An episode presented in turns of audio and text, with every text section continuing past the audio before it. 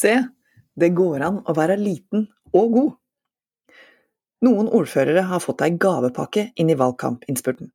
Kommunene deres er kanskje små, men de er også landets beste.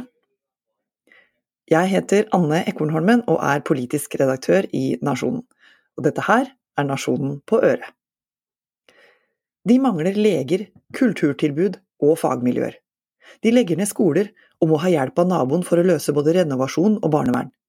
At små kommuner i Distrikts-Norge er akterutseilt og fraflyttingstrua, er nærmest opplest og vedtatt som sannhet.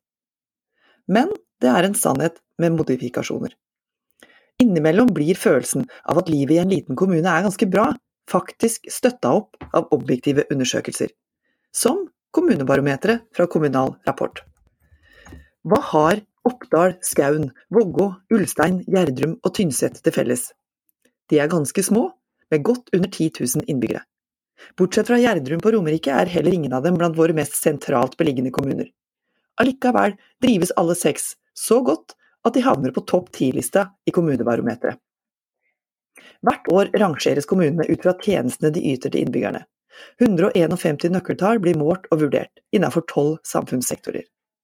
Hvem er best på tilrettelegging av grunnskole, barnehage og barnevern? Svaret er Tynset, Karasjok og Flesberg med 5500, 2600 og 2700 innbyggere. Hvordan utfører kommunen sine oppgaver innenfor helse, sosialtjeneste, pleie og omsorg?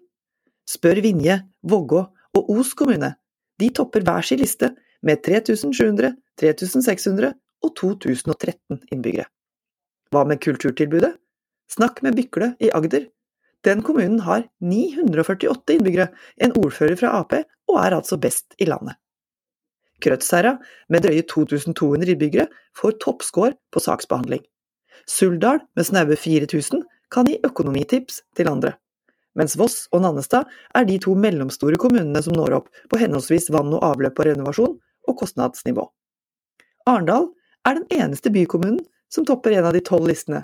De er best på klima og natur. Alle tre på sammenlagtpallen er små. Oppdal og Skaun i Trøndelag har 7000 og 8300 innbyggere. Vågå og Innlandet har altså 3006. På Statistisk sentralbyrås sentraliseringsindeks er de i kategoriene 4 og 5, på ingen måte verdensmetropoler. Det er med respekt å melde heller ikke Ulstein i Møre og Romsdal på femte og Tynset i Innlandet på tiendeplass. Allikevel hevder altså distriktene seg bemerkelsesverdig godt i kommunekampen stikk i strid med det man skulle tro om man lytter til de sentraliseringsglade politikerne som ivrer for sammenslåing til robuste enheter. Alle skjønner jo at gode fagmiljøer er viktig, uansett størrelse. Det betyr mye for bemanning i barnehagene, for rekruttering av lærere, for muligheten til å fylle de ledige fastlegestillingene og holde på sykepleierne ute i hele landet. Men det er ikke svart-hvitt. Resultatene i Kommunebarometeret viser at også små skoler gir god læring, at ventetid og saksbehandling slett ikke er lenger eller dårligere jo mindre kommunen er. Det understøttes også av tall fra Statistisk sentralbyrå som Klassekampen omtalte. Sammenslåtte kommuner bruker i snitt 20 dager mer på saksbehandling enn tidligere. Noen har økt byggesaksbehandlingstida med nærmere 100 dager. Stort er ikke alltid best. Topp 20-lista på Kommunebarometeret har elleve små kommuner. De ni andre har innbyggertall mellom Stjørdals 24 000 og Sandefjords ca. 65. Oppdal vinner for tredje gang. Siden 2010 har også Ulstein, Førde, Dovre, Høylandet, Lom og Vefsn trona på toppen. Skaun og Vågå, på plass to og tre i år, er nykommere på topp 30-lista. Ordførere som kan skilte ved å lede Norges beste kommune, fordeler seg på Ap, Sp, Høyre, Frp, SV og lokale lister. Senterpartiordfører Geir Arild Espenes i Oppdal, Gunn Iversen Stokke fra Senterpartiet i Skaun og Harald Sve Bjørndal fra Bygdelista i Vågå får alle en liten gavepakke inn i valgkampinnspurten.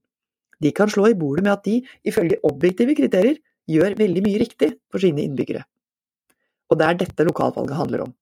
Skole, pleie og omsorg, kommunale avgifter, økonomi og barnevern er tema i nesten alle lokale løpesedler som deles ut på torg og togstasjoner i disse dager.